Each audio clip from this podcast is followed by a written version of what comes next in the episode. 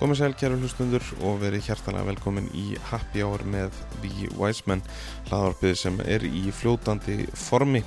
Það er eh, landi frá Reykjavík Distillery og Kombucha Æsland sem eh, færir ykkur eh, Wise Men. Nú við ætlum í hristaran í dag þar sem við fáum til okkar bestu barþjóna landsins og hristum úr þeim alla þekkinguna. Fáum góður áð og annað sem þarf til að búa til framhúsgarandi drikki. Hristarinn í búaði GS Import sem er konungsríki barahólda á Íslandi sem voru ekki ekki hér í borgartúni sem seti þess að barþjónar bæjarins séu vel til hafðir um hárið. En uh, þá að máli málana í hristarannu mættur barþjótt sem hefur verið áberandi í barsinu landsins á undarförnum árum Allt þar til hann hvarf á vit æfintarna til náms í Barcelona og eh, kíkt í leðinni á heimaslóður sínar á Ítalju en gestur þáttanins er einmitt eh, á einmitt ættir sínar að rekja þaðan. Hann er komin heim til Íslands og er væsmann að hitta hann í fyrsta skipti í langan tíma eftir eh, dvöluna Erlendis þegar þessi þáttur er tekin upp og þá er mynd eh, tilvæglega að skella í einn eh, þátt af hristaranum og leif ykkur að heyra söguna fyrirlinn og reynilega hversu mikið spunnið er í þennan eh, ljúfling og gest þáttarins.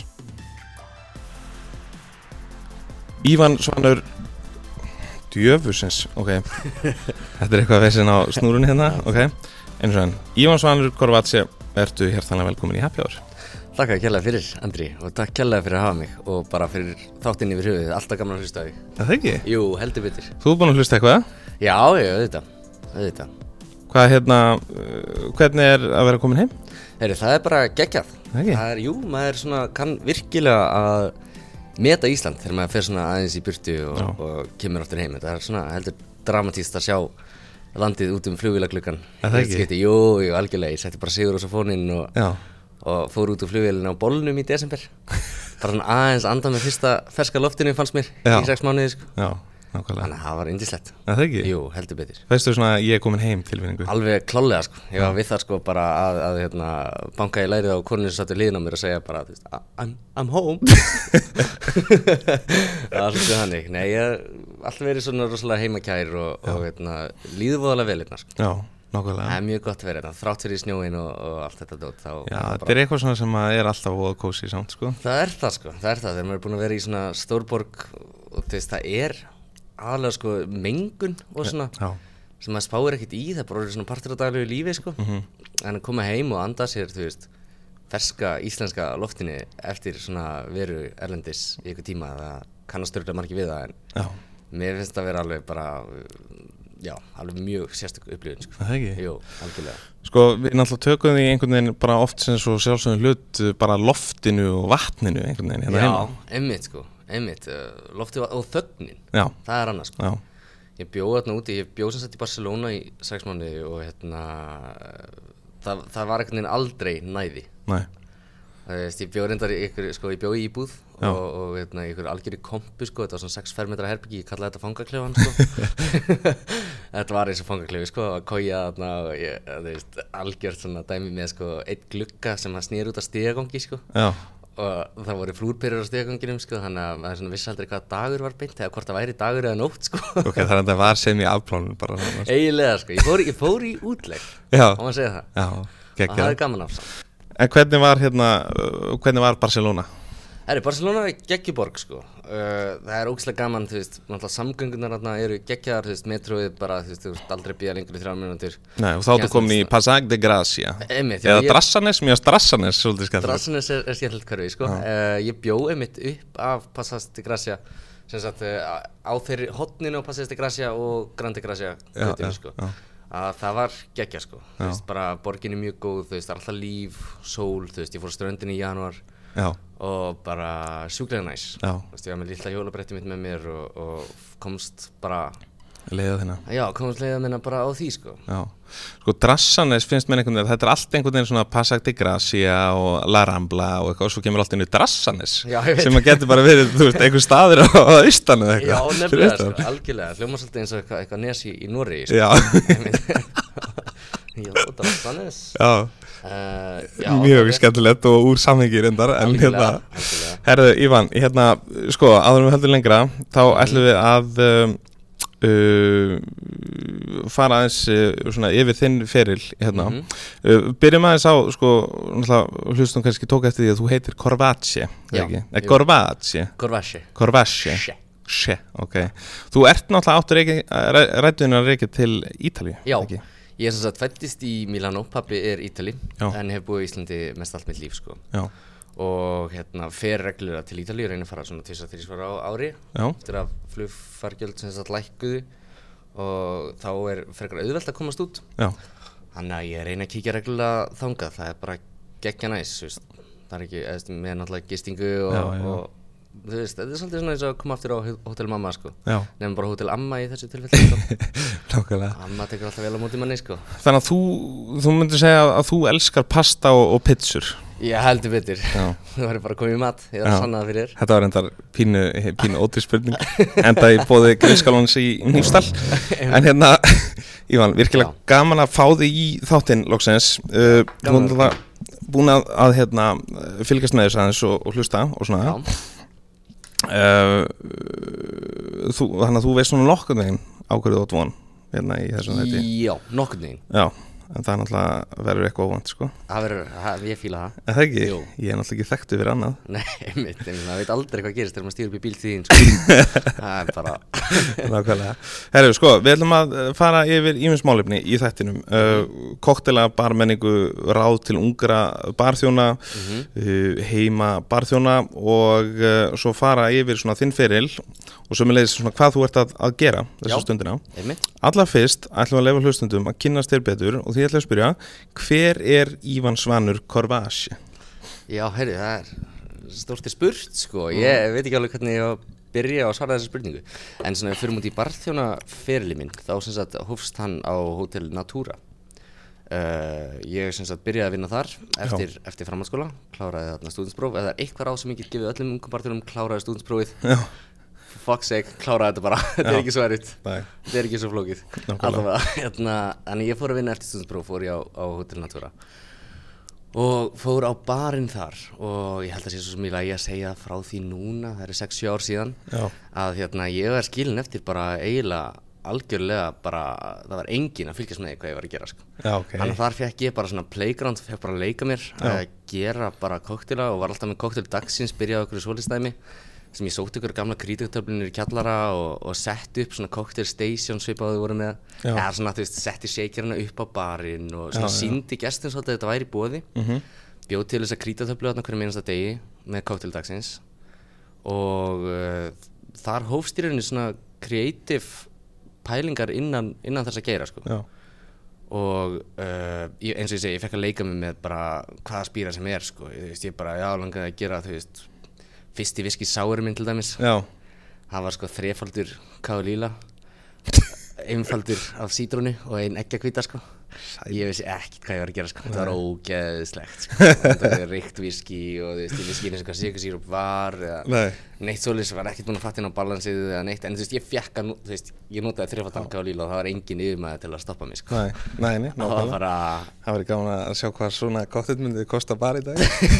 Já, örgulega fjóru og fimm eða eitthvað sko. En hérna, ef við förum aðeins í aðdraðandan Hvað svona uh, Hvað var það sem dróði Hver er kveikjan að því að þú ákvast að, að fara í þetta Að vera barþjóð Sko, reyndar sko veitingaferðli minn hófst, hófst fyrir sko, ég var aðstofnaður í eldúsi á Veisluþjónust í Hafnafyrði í þrjú ár. Já, og var að kokk, neða kokk, ég var nú ekki að kokka, ég var bara að fokkin skræla kartublur og eitthvað, en veist, það var ógeðslega gaman. Já. og mér fannst alltaf gaman að vinna með hráöfni og, og vinna í eldúsi og hérna, og þjóna líka, ég var að vinna, þjóna sérst á gamla vínhúsinu þegar það var hérna nýri bæ sem er sérst að Hansen í Hafnafyrði á undan því, ég er sérst að taffyringur já, og hérna, sko þegar ég var yngri í manna mér fannst alltaf ógeðslega gaman að fara út að borða. Þú veist, þegar, maður svona 10-11 ára og mamma kom heim og sagði, herri, við ætlum út að borða í kvöld. Það var bara besta sem ég vissi. Já Svona sælu tilfinning. Já, alveg bara, yes, við getum út að borða. Þú veist, þú fórum bara á hotnið eða Ítalíu eða eitthvað svona.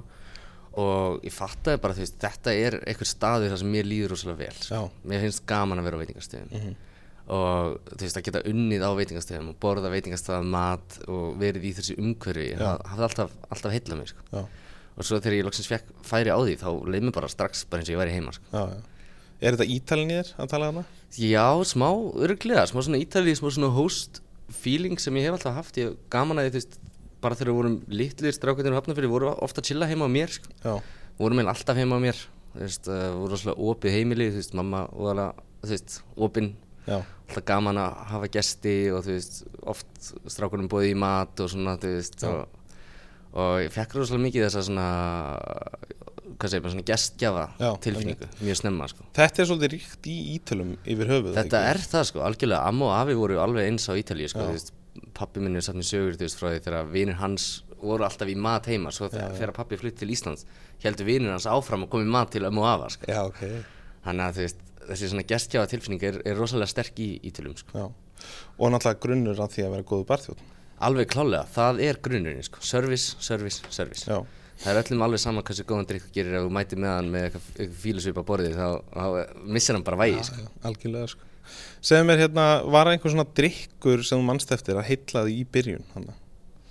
Svona fyrsti, fyrsta Eh, vámómentið í koktelum Sko, ég held það að veri bara í rauninni fyrsti svona brennivínskoktillin sem ég gerði.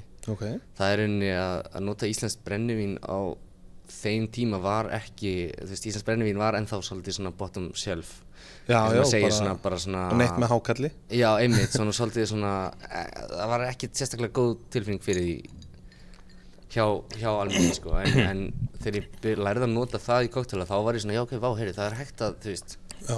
gera góða hluti, þú veist, Það er eins og að sé ekkert langt síðan að því var einhvern veginn fundið einhvern annan farveg heldur en að vera með hákalli sko. Einmitt, sko, en þú veist, þetta kemur, það eru ennþá mjög margir íslingar bara, þetta er mikill miskilningur að brennivín yfir höfuð þá tala ég ekki til um, um hérna, brennivíni frá Ölgerinn heldur bara brennivín sem subkategória fyrir ákavíti að það þetta er, þú veist, herramanns drikkur sko. Þetta er það. Og þetta er í rauninni eitthvað sem að sterkvinn á til að falla einhvern veginn millið þilja. Já, og vera að horta á sem eitthvað svona eh, oft eitthvað bara drasl en að þetta er samt sem áður eitthvað svona sem við eigum að vera stolt af þetta er ákveð þjóðastólt sko, þessi kategóri alveg klálega sko. veist, þetta er í rauninu bara, já, þú veist bræðbætti spýri með komið fræm bara, hvað sem getur fundið í þínu nær umhverfi getur þú notað í ákavíti allavega mínumati þá, þú veist Mhm. mér finnst þetta eiga að vera klálega eitthvað sem við erum að halda uppi sko, bara og, og,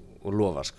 Sammála því Hérna, Ívan, fyrir utan koktela, drikki og barmennsku áttu er einhver önnur áhagamál nei.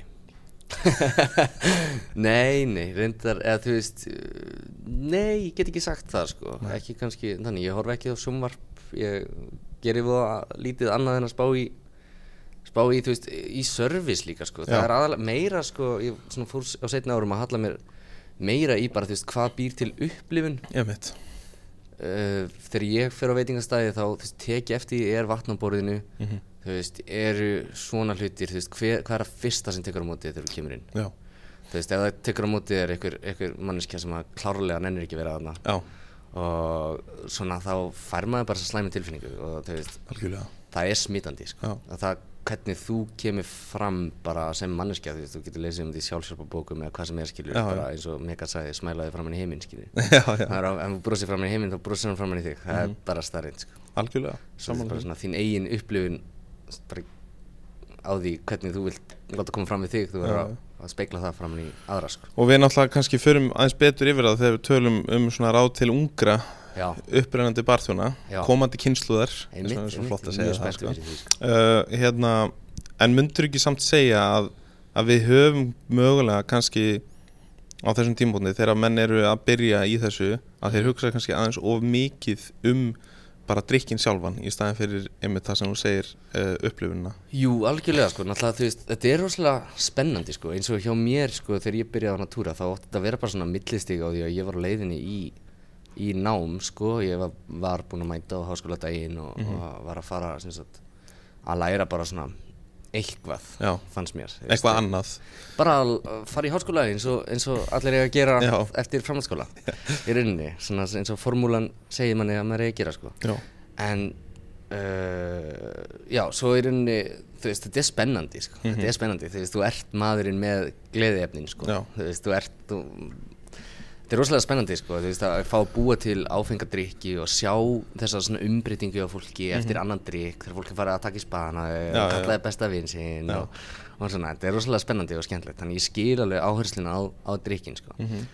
en það má samt alls ekki hitt er samt líka bara equally, eða svona jafn mikilvægt finnst mér alveg bara 50-50 sko. Samanlega því og, og einst líka bara því að í raun hefur barþjóðnin hann hefur tölur verið svona örlög kvölds þessa fólks í höndum sér sko Já, alveg klálega sko. uh, þú veist, hann getur verið bara dickhead ef við tölum bara eins leiðilegur og hrókafullur og og þú veist, koman, það er ekki Já. líklegt að fólk sé að fara að mæta hann aftur sko. Nei, sko, ég held að allir eða lang flesti barþjónar þjást af því á fyrstu svona 2-3 árum að þeir þjást af ákveðnum svona barþjónar hróka sko, Já. Sem bara eitthvað svona "Ugh, ég ætla ekki að gera pína eitthvað lata fyrir því hvað heldur ég sé? Já, já. Ég ætla að búið til skósulegin fyrir þess að uh, Já, nákvæmlega einmitt, hérna, er ég með þú veist, fucking köngla infjúsa og hérna, eitthvað, slaka af maður þú. Gerðu bara góða drikki, verði í góðu skapi og bara give the people, þú gefðu fólkinu það sem það vil, skilur, þú ef þú vilt fá pína colada, bara ég skal gera besta pína colada Já, sem þú hefur smakkað með, sherry og, og gera bara to the, bara alveg to the max, sko. Saman á því. Herru, ok, fænum okkur yfir á, á loftliði þú, þú ert þar hversu lengi séru? Ég fæ þarna eitt ár til þess að leika mér. Síðan er, ég er ég að taka aukavaktir á uh, Sushi Social sem hétt á Sushi Samba. Mm -hmm. uh, er að taka aukavaktir þar og það gekk rosalega vel. Veist, þau voru strax mjög ánægð með mig þar.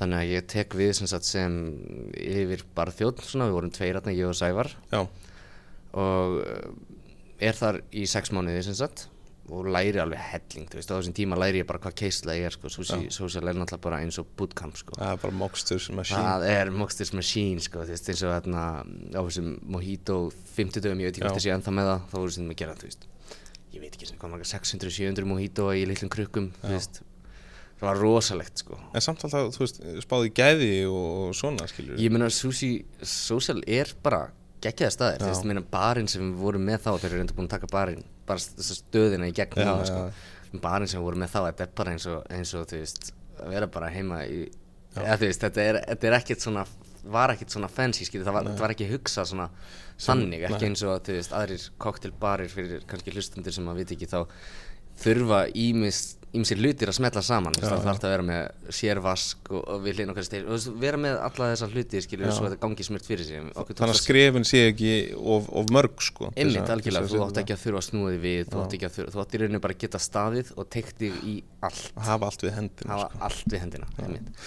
En já, síðan þarna, svo ég held ég bara bynd áfram, sem sagt, síðan á Susi sambað var sem sagt uh, ennþá rekstjórinn þar, hún, hún Solveig, Já. hún hvatti mig rosalega mikið til að taka þátt í einni koktela keppni, sem var sem sagt fyrsta keppni sem ég tók, eða önnur keppni sem ég tók þátt í en um fyrsta sem ég vissi eitthvað hvað ég var að gera, sko. Já, Og þar var ég með kokteil uh, sem vann þarna kokteil ásins 2016 já, og það var hinn viðfrægi Snow White.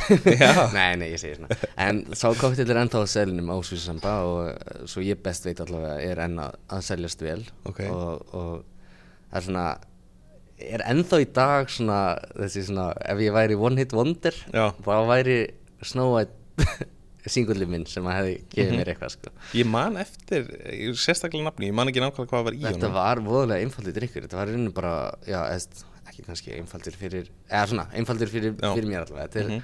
vodka, yuzu, sem er japansku sítrusávustur sem hefur rosalega sérstakt bragð. Þetta er alveg bara svindl, sko. Já, yuzu í koktel á þeim tíma var bara, var bara svindl, allavega, ég fekk aðgang á yuzu, þetta er japanskt og þannig, í gegnum sushi samba. Og þannig þetta var vodka, yuzu, vaniljusiróp, passionfruitsíróp, ekki hvita og svo var hérna þurrk, frostþurkuð himber á toppin sem gerði svona smá crunch. Ég hef alltaf verið rosalega hrifin af áferð og mitt þarna yfirkokkurinn á Sushi Social, hann Daniel Kogran er alveg svona master í því að finna geggjaða áferð á mat sko. og hann er mitt svona svolítið inspirational að fylgjast með honum sko Já. út af því að þú veist, áferð er eitthvað sem að gleymist oft í drikkjum en ég vildi skapa þessa áferð og þetta sem sagt vann mér þennan titil sem sagt koktel ásins 2016 já, og síðan þá fór bara boltin að rúlla frekar hratt. Það Já. gerist allt bara tveim fyrir veist, ári eftir það er ég orðin yfirbarþjóðn á nýja Æslandir hótelinu Canopy. Já, sem að gera smart. Já, gera mitt og sagt 23 ára og var að sjá um 10 starfsmenn, 2 bari Já, á sem sagt, inn- bara sem sagt, þetta á vegum Hilton. Þannig að veist, ég var í rauninni fyrsta hótelleiðira í heiminum í Canopy keðinu opnað á Íslandi. Já, þannig ég var í rauninni þú veist, fyrsti yfirbarþjóð nýrar hótelkeðju frá Hilton, 23 ára og þetta er stóri skór. Já, heimitt sko og, og setna meir tóku þeir hérna í Death and Co. sem, sagt, sem er bara svona af þessum stóru stóru aðlum í New York tóku við sem sagt prógraminu hjá Canopy. Já. ég vann náða að vinna svolítið með þeim sko. Í því út þegar Canopy opnaði í Washington og svona þá var ég svolítið inn í, inn í þeim málum líka. Og á Canopy mitt þá eða sem sagt á Geira Smart og ég vil segja frekar Canopy út að þetta voru tveir barir þú veist það var Lounge-barinn og, og Geiri Smart Já, veitingastæðin líka. Þá voru við sem sagt hópur barþjóna og ég vil meina sko okkur tókst að skapa eitthvað svona eitthvað svona vandræðarlega mikið af nákvæmni sko. við vorum þú veist, prep, við vorum ekki að gera ykkur fáranlega síróp eða infusions eða neitt. Við vorum í rauninni bara að nota spýra og, og krydd og, og jurtir ferskar sem sagt, við vorum með bara svona 10-15 krukkur á borðinu og svo settum við allt bara ferskt í shakerinn við vorum svo geggja að klaka að uh, við náðum að fanga þetta svona rosalega ferska brað sem sagt í stæðan fyrir að nota hindberja síróp settum við bara þrjú hindber í shakerinn uh, þetta var ekki þetta hljómar ekkert ekki eins og eitthvað svakalegt en maður finnur alveg bræðinu Í bræði, þá finnur þú það. finnur alveg hvort sért að tyggja niðursóðið epli eða ferst epli mm þetta er svolítið svona það sem við reyndum að skapa þarna sko. og hópur barþjóna sem var í, í kringum okkur þá veist, sem að ég, vil þakka alveg fram og aftur út að þetta er fólki í rauninni sem að þú veist, ég var eiginlega meira bara svona eins og mér leið svolítið meira svona eins og, eins og svona þjálfari í rauninni, að, þú veist, ég var bara að taka fyrirliði? Já, ég var svolítið að taka uppskriftir frá þeim og segja bara, heyrðu, við þurfum aðeins að minka síruna hér og aðeins að hækka þetta, hefur við prófað að setja chartreuse í þetta eða eitthvað svona? Og saman sem sagt gerðum við alla koktelana á selinum öll saman, sko. Já, þú bjóst til nokkuð gott teimi þarna. Ég man eftir því að þetta var alveg virkilega flott sko Já, einmitt, sko, þetta voru svona barþjónar svona úr öllum áttum, þú veist, það var ein stelpa sérstaklega sem kom með mér frá slipparnum, uh, Telma, og, og, og hún var svona ein, eina svona þannig sem var með eitthvað svona alvöru reynsli, síðan restin var bara, fólk fengi bara svona hérðan og þaðan, fólk sem að nálgæðist mannir í bæ, bara eitthvað, hei, þetta þú verður að opna hana, ja, mér langar að vinna.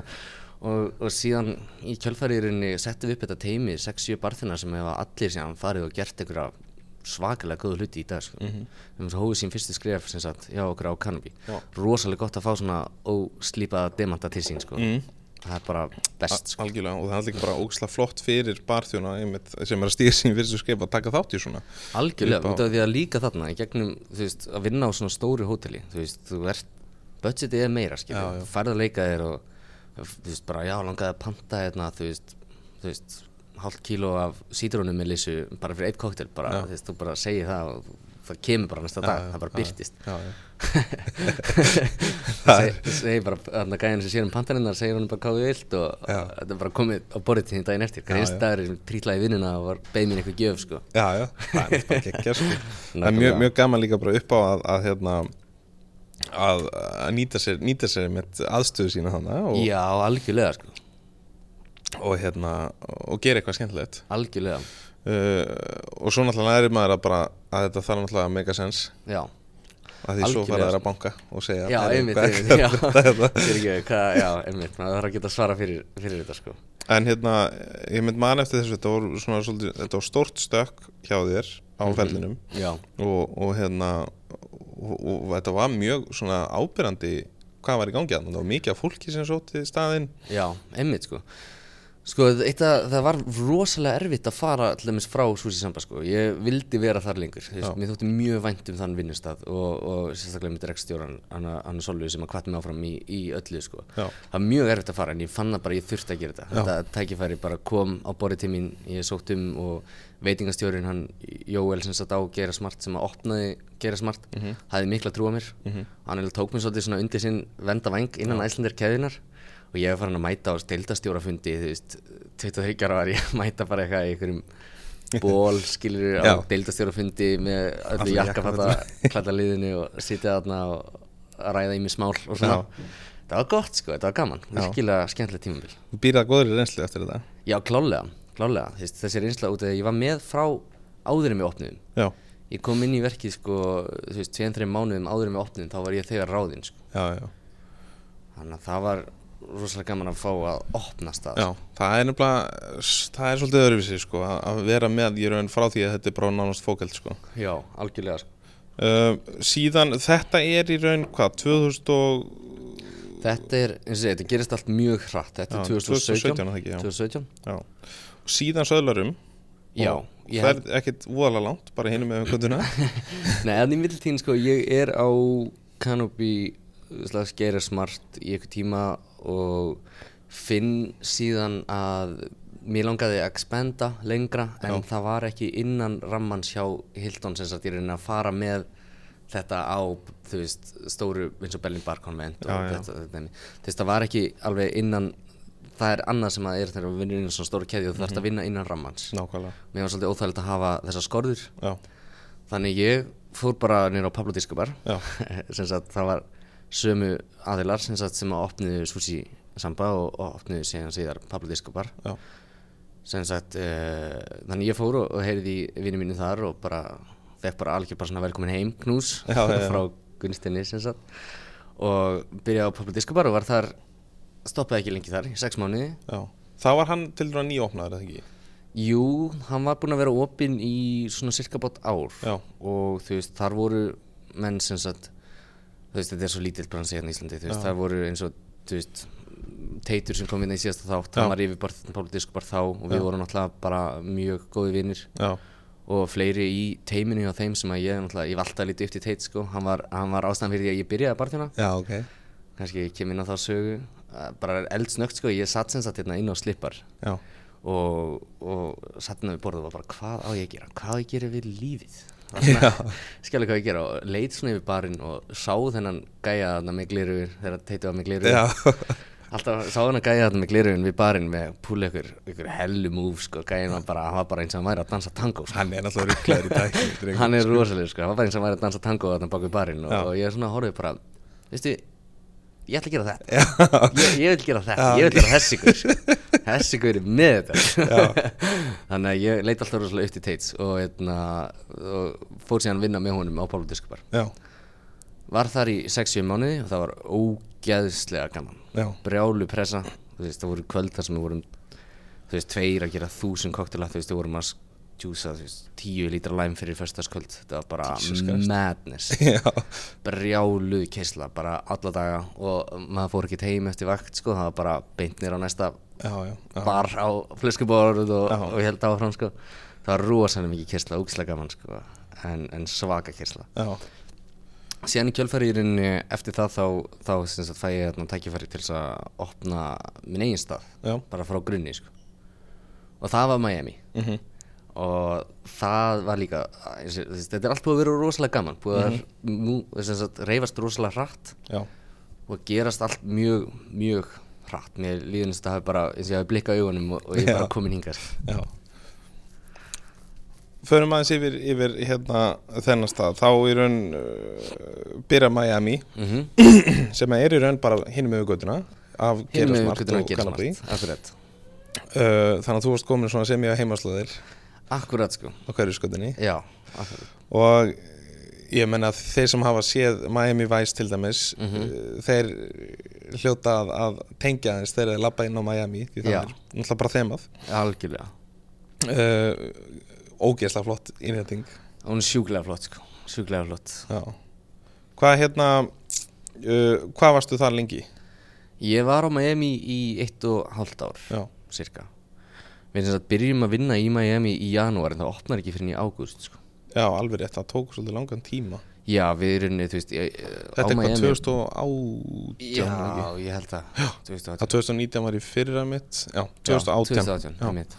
Sko það var rosalega gaman að við komum inn í húsið og uh, sáum bara eitthvað potential í húsinu Mhm. Og þá byrjaði maður bara, þú veist, við vorum bara í öllu, þú veist, ég var í að upp parkett og dúka og múra og mála og smíða og Já.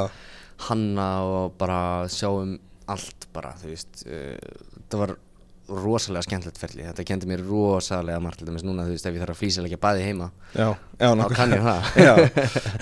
Þú tók svona crashkurs í, í yðnaðmennsku alveg klálega sko, þetta var ógeðslega gaman þess að maður var þarna mættu klukkan átta maður var kannski með smíðunum fyrir hátegi síðan með rafvirkjónum eftir hátegi síðan fór maður á fundi með þú veist gæðum sem hljóðkerfið og síðan fór maður að skoða heimasíðurnar okkar og, og allt þetta, þetta var geggjað sko. Þetta, þetta, er, þetta er gaman að taka þátt í svona Þetta er rosalega gaman sko. Og síðan þegar staðurinn opnaði einhvern veginn þá þá svona verja, já þú veist um leið og staðurinn opnaði, bara sama dag og staðurinn opnaði, þá átti maður að vera að fagna. Já, en það var svo mikið spennufall Já. að það var bara einhvern veginn oh my god, hvað er ég búinn að gera? Já, já, ég veit það. Ég kannast við þetta, ég man nákvæmlega eftir sömu tilfengu á, á loftinu hérna í gamla dag uh, að hérna þá einhvern veginn það kemur einhvern veginn bara svona tómanum þú ert svo va vanur því að vera að díla við allt þetta draslu uppsetninguna og eitthvað svona. Og það er svona, maður er einhvern veginn ekki alveg undirbúin í það að þetta sé bara actually að gerast sko. Nei, nefnilega sko, maður fattar ekki alveg, þetta er það sem að maður þráir svo mikið sko, ég manni sem við lendum í vesinni með leifin eins og annað hver staður sem okkar er Reykjavík lendir í sko. Lendum í vesinni með leifin og, og eitthvað svona, við vorum með nágrana sem voru eitthvað að stríða okkur. Já, voru að, já, alveg að gera allt sem ég valdi þeirra stóð til þess að við opniðum ekki. Já, hann tók samt að opna. Og þetta var, þú veist, bara það, þú veist, ég var bara nærmast hættur að fara út út af því ég var að fá svo mikið að spurningum frá öllum bara, "Hva- hvenær opna Miami, hvenær opna Miami, hvenær opna Miami, við vorum búin að auðvisa okkur greinilega það vel að Já, fólk já. vissi að við verðum að fara að opna. Já, en svo bara var ég bara komið með alveg ógæði svara þessari spurningu, sko, en Já. svo loksins þegar við opnum þá einhvern veginn leiðum bara svo verkefni verið búið. Já, en síðan tók við náttúrulega þurfti að vera rekstjóri á staðnum og já. sjá til þess að fyrirtæki og batteri gengi upp mhm, sem var náttúrulega skóli bara út af fyrir sig sko Já. og mjög gaman. En, en svona já. Hvað, þú varst þar í hvað langa tíma? Uh, ég var í eitt, cirk tæft eitt ár. Já, og þá ákveðið þú að, að söðla um? Já í rauninni sko uh, ef ég var að fá að tala alveg svona frá hjartanu þá bara svona var þetta einhvern veginn bara þú veist þú veist að vera eigandi á nýjum stað. Þú veist margir þekkir það þú veist kokkar eða, eða þjónar og barþjónar og fleiri sem hafa opnað stæði þú veist þú ert á stannum 24-7 þú ert alltaf bara þú veist einn dag ég mæti í vinnuna og, og einn barþjóð segir mér heyrðu þetta þvóttavélinn er bíluð og annar barþjóð segir mér heyrðu þetta vaskurinn inn á baðið stíplaður og ég bara herti ekki að fucking grínast bara ég, þú veist, ég kem hérna inn þess að sækja jakka minn Já. og ég er farin að laga ykkur að þvóttavél Já. skilur þú veist. Þetta var alltaf svona, þú veist, á bakvakt 24-7, þú berð ábyrð á húsinu og svaka fjárfestingum frá alls konar fólki og þú veist rosalega, eða svona, þú veist, ábyrðin er, er gríðari Já. og ég bara svona, æ, bara veistu farin að tapa svolítið svona líkamlegri og gera hérna hilsu og svona, eitthvað svona orðin pínir svona kvíðinn og, og ekki farið að líða neitt sérstaklega vel sko. Nei. Fannst þér svona fjallægirinn við bara vinnuna að vera barþjóð bara verða ég meiri var meiri? bara engin barþjón sko. Veist, ég var ekkert á barnum ég var með blessunlega var ég með mjög góðan yfir barþjón, Já. Martin já, sem var með mér í teiminu á að gera smart Já, sko. hann er, var mín hægri hönd í bara öllu. Já, og hann var mjög flottur hann sjá um allt innan barsins en ég saknaði þess rosalega mikið að vera barþjón ég var farin bara þú veist að fara við reikninga og taka til og þú veist gera þessa hluti sko. Ákveðlega þannig að þú veist mér langaði rosalega mikið að fara baka bara aftur sko. Já Og hvað hva tekur síðan við eftir, eftir Miami? Eftir Miami þá uh, í rauninni langaði mig bara til þess að fara svolítið frá Reykjavík Já, Mér fannst ég svona vera þú veist, kannski pínur hrókafilt að segja þetta en mér fannst ég vera bara svolítið svona búin með Reykjavík í bíli Mhm. Það var, ég var búin að opna minn einn stað ég var búin að upplifa drauminn sem ég held að væri drauminn. Já. búin að upplifa drauminn uh, og hérna þannig ég ákvaða að flytja til útlanda Mhm. og langaði alltaf að flytja til Barcelona þannig ég fann mér sem sagt háskóla þar Já. í gegnum þess að allt Miami ferli þá gegnum alla hönnun á bakvið Miami var ég mjög hrifin af innanhúns hönnun Mhm. þannig ég skráði mig í háskóla og fór, ætlaði að fara að læra innanhúns hönnun Mhm. og já, svo er henni ferðið til Barcelona og er í skóla þar Já. og eftir svona þrjá fjóra mánuði fatt ég bara "Ah, Já, ég veit ekki með þetta sko nákvæmlega en ég ákvað að byrja að snúa heim já, uh, þú hérna Sko, þegar þú varst þarna á Miami að þá í raun byrjaru með uh, lítið batteri já, það byrjaði reyndar áður sko það Já. byrjaði, er það Reykjavík Cocktails? Já. já, einmitt sko uh, allan þennan tíma á meðan ég var að að já, allan þennan tíma sem ég var með Miami Já. þá var ég líka að reyka mín eigin veislítjónustu Já. sem heitir Reykjavík Cocktails við sem sagt op- opnuðum það, eða störtuðum það fyrirtæki ég sem sagt í janúar 2018 Já, samkvæmt kennitölun okkar. Já, en á undan því hafði ég sem sagt tekið slatta af uh, svona enga viðbyrðum já, fyrir alls konar fyrirtæki sko. ok. Þannig að þetta svona var og svona byrjaði á þessum tíma og var svona hægt og rólega einhvern veginn að, að, að sjallast og, og fara í gang og svo leiðis og, svo náttúrulega núna komum betur að því hérna eftir næsta lið og þá, þá er þetta í raun bara það sem á hugðin allan ekki? Já, algjörlega sko, Reykjavík Cocktails byrjaði sem bara side project og mér þóttu alltaf rosalega vænt um, um fyrirtæki þetta er í rauninni bara veistlið þjónusta sem gerir koktela í, í enga viðbyrjum við í rauninni getum bara sett upp koktela stöð hvar sem er bara þú veist heima hjá ömmuðinni á elli heimilinu, við gerum það sko. Já, já, Nefnum mæn sko, bara við, við reddum því sko. Við reddum öllu. Þannig að hérna Förum hérna, já, tökum uh, fyrst einn lið en svona áðurum fyrir mig þann lið þá langar mér svona að spyrja þig, út frá því sem sagt, þessu sem þú upplifaðir eftir Miami mhm, uh, það er, þú veist, þetta er busy bransi þetta er álag þetta er, þú veist, þetta tekur alveg taugarnar. Já og getur svona svolítið farið fram að manni gengið bara frá manni í raun og verið að passa sig ekki. Þú veist, upplifur það ekki mikilvægt að fólk svona passi sig ekki? Að þess að passi sig á því að, að fara ekki fram úr sér og, og munum bara svona svolítið að kvíla sig svo að maður, fa- fannst þér að hafa farið í svona nett burnout bara, það er Já, svo trendi eiginlega, ég veit að þetta er rosalega trendi orð sko og hérna, sko það er í rauninni málið að það, þú veist, þegar það þegar þú, þú veist, eins og hjá mér ég hef alltaf verið, uh, mér rosalega svona, kannski eh, annað trendi orð svona með svona ákveðna svona fullkonunar orð, veist, að ég bara vill að hlutinni séu gerðir eins og ég vill að þeir séu gerðir. Og þess vegna á ég til að treysta ekki öðrum fyrir að gera hlutina. Já, já. eins, út af mér finnst ég er með eitthvað hugmynd Já. og ég bara treysta ekki öðrum fyrir að geta framkvæmt hana eins og ég vill að hún sé. Já, betri eða verri, það skiptir ekki máli, bara hún er ekki eins og ég vil að hún sé. Já, já, já. og þá í rauninni á ég til að, að, að gleyma mér og gleyma að treysta öðrum þannig að þú veist, hún verður að vera duglegur að deila verkefnum sko. já, það er mjög mikilvægt og vera heima þegar maður er heima sko. Já, það er, á, ég, það er eins og talað um mín, já nokkulega kannski ástæðan fyrir því að ég er náttúrulega giftur og, og svona að ég, ég svona hef orðið betri með árunum í þessu að, að sinna fjölskyldunum þegar maður er heima sko. já, einmitt sko. en hérna að ég held að margir lendi í því að, að fá svona nett, nett hérna bara fá nóg já, svolítið? Það var svolítið einmitt það sem gerist sko. Já, en þú, þú ert komin tvíeftur tilbaka? Algjörlega, sko, algjörlega. Nú er ég komin heim og bara líði mjög, mjög vel með það. Tilbúin í slægin heldur betur. Herðu, næsti liður Ívan er geggjaður. Já, ok. Uh, Þetta er liður sem við ætlum að taka upp líka á hérna uh, vídeo já, og þessi liður heitir Streinirinn ok. þau erum í hristaranum. Mhm, þannig að nú ætlum við að fara í Streinirinn ok. Af því að þú náttúrulega uh, náttúrulega að streina því í glas sko. Oh shit. Uh, ef við ekki bara vinda okkur í þetta. Þetta má Jú. sjá inn á uh, Instagram síðu Væsmenn líka. Og uh, hvað ykkur eindrið til að kíkja á það. Þá um, erum við komin í streinirinn ok, og uh, þetta eru 11 spurningar. Ok, og þú ætlar að svara þeim á sem bestan hátt. Ok. Tilbúin í það uh, ég held það, ég veit ekki. Já, klálega. Já, já, herru þá byrjuðu þetta. Uh -huh. uh, hver er þinn uppáhaldskoktel? uh, dagri, það er já. Okay. uh, hvað er þitt uh, go to sterkvín í koktela? uh, rom, það er róm já. Svolítið auglust svona út frá því að dekkur já, einmitt, einmitt. Ok, uh, hvað myndur þú segja líkjörar væru? Líkjurar, Mm -hmm. uh, það eru bara sigraðir, bræðbættir spýrar Mm eru þeir mikilvægir? já, klálega, mjög mikilvægir. Uh, ég notaði líkjur alveg vilt og galið sko. ok, einhverju? já, bara allt frá Bitter Truth falernum til dæmis, ógislega gott. Cool. Hvaða íslenska framleita sterkvín þykir þér áhugaverð? ákveðviti, eða brennivín, íslensk brennivín einhverjar aðrar svona íslenska vörur sem þið dekkur? Já, mér finnst Himbrimi sko. Himbrimi Winterbird Edition sérstaklega Ég er mjög ánægð með það. Alright.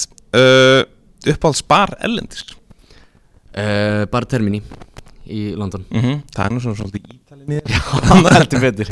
Heldur betur, nei, ég elskar hann stað sko. Ég fer alltaf er Talandi London Alveg tísa þjónustu. þrísvar sko. Þjónustu líka sko. Já, einmitt, það er bara, þetta er, þú veist hvað, 15 sæti eða eitthvað. Já. Fjóri barþjónar, þetta er bara rugl sko. Fyrir mig það Já, einmitt, já, algjörlega. Við munum til því. Uh, Uppáhalds uh, krydd í koktela uh, Upp á skritt, má það vera ávöxtur eða? Já, það, læm, læmbörkur Ég er mjög, bara elska læm Alltaf er ég að djúsa fyrir veislur og svona Það er ég bara eins og bara í blómabúð sko Ég bara alveg að lofa þetta sko. Ok, herru, þá er það scenario. Ok, Tilbúin í það? Þetta er krefendi, sko. Ok. Herru, herru það er, það er svona ammælis uh, mm uh, Frænkaðin er að vera 50 Ok. Þú ert að henda í svona mainstream fordrygg fyrir 30 manns. Mm Hvaða fordrygg allar að gera? uh, Ég myndi gera Old Cuban. Mm Það er sagt bara rom, læm, sigur, mynda, toppum um kampaðinni mm. Henda mjög vel, hann er svona aðeins meira klassi en dakarín Aðeins um, lengri, smá búblur, smá kampaðin, smá sjó Bara skemmtilegu drikkur sem að ég hef fundið að svona alltaf þegar ég færa hann erfiða viðskiptavinn sem segir, nei, ég veit ekki hvað ég vil Já, já. Ég veit ekki hvað ég vil, getur ekki bara mælt með ykkur Alltaf þegar ég kemur Old Cuban þá fílar fólk það. Ok, Aldrei fengið, aldrei neitt skil á hann alltaf. Nei, mjög gott. Herru, það verður líka að vera bjór. Það verður líka að vera bjór. Hvaða bjór verður fyrir valinu? um, Hvaða bjór verður fyrir valinu? uh, Minn go-to bjór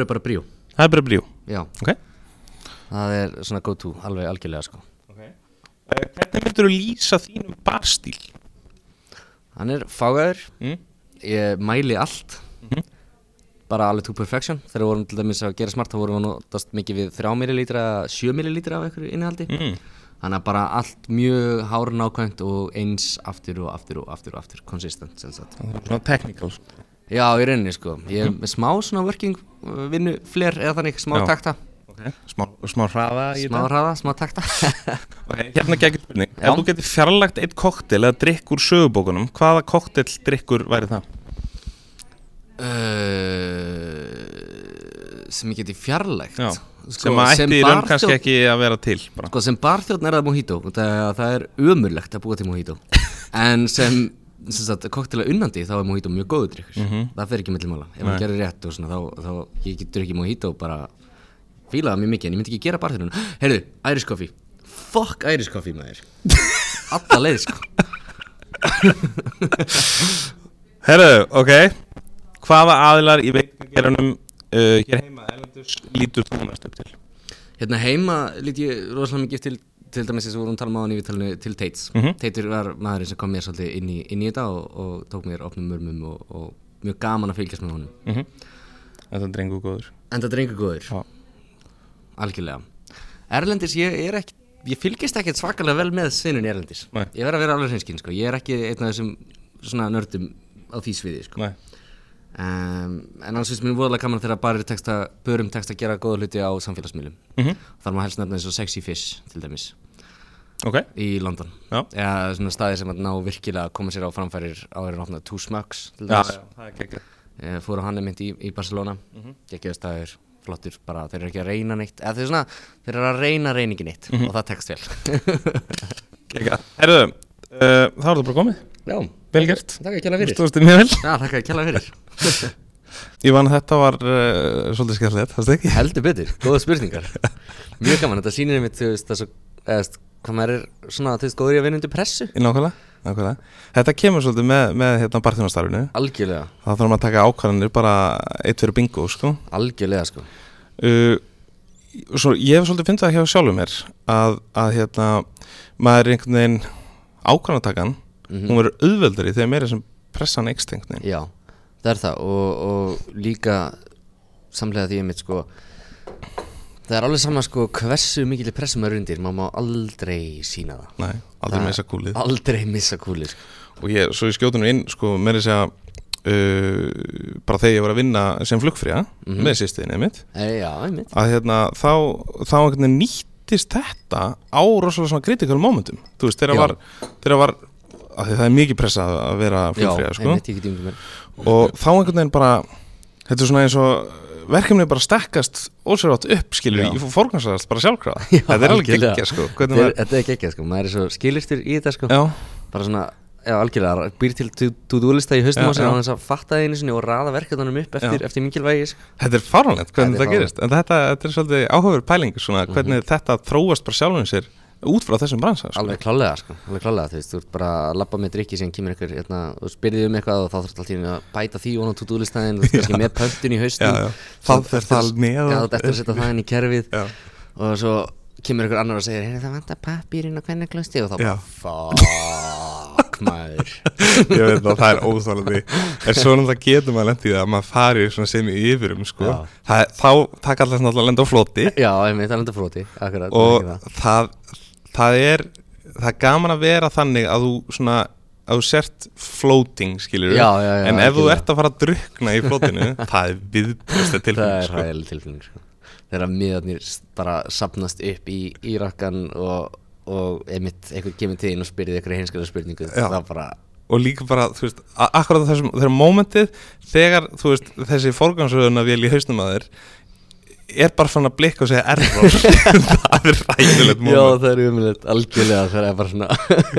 Ég ma ma man alveg eftir nokkur svona momentu Já, einmitt sko, þegar maður er bara, ok, heyri, annarkvært nú lappa ég út já, já, ég Nú það. Lappa ég út og leggst í snjóin, bera ofan. Já, og ég meina margir hafa nú á þessum tímapunkti kannski bara ætla að fara í apoteki og mætti aldrei aftur sko. Eða fara á klostið og mætti aldrei aftur. Já, nokkulega, það hefur gerst, maður hefur lendið í sko með nýja starfsmenn sko. Já, ég, ég, ég verða hendur einnig sögum varandi þetta, það var einhver, einhver starfsmæður á Café Blue í kringlunni Já, og hann fór á klostið já, og mætti aldrei áttur svo hitti eigandinn hérna, við komandi í kringlunni hérna, bara sex mánuðin síðar eitthvað bara, hvað, ertu, varst að koma á klostinu núna? og það lást þetta langt tapp við páan herðu, hérna gaman þessu, næst ætlum við að fara í hérna, núvarandi störf. Já, og nú ætlum við að fara í, í Reykjavík Cocktails og, og hérna, krifja það aðeins nánar. Já, Uh, okkur, við byrjum bara í svo sem ekki með neitt skrift yfir þetta Ívan, við hérna, förum bara yfir það í raun og veru uh, hvað, þið, hvað þið gerið nákvæmlega. Já, sko, svo, uh, í rauninni, sko, um, það er svolítið margþætt, sko. En ekki að kokteilsýninni byrjaði þannig að ég var beðin um, sem sagt, í gegnum, ég á þessu félagi framhalds, úr framhaldsskóla. Já, Sýstir hans var að fara að gifta sig eða eitthvað svoleiðis og það vantaði þess að bara þjóni gæsun. Mhm. Þannig að hann bent á mig og eitthvað svona og ég fer hérna og, og bara þjóna í þessari gæsun.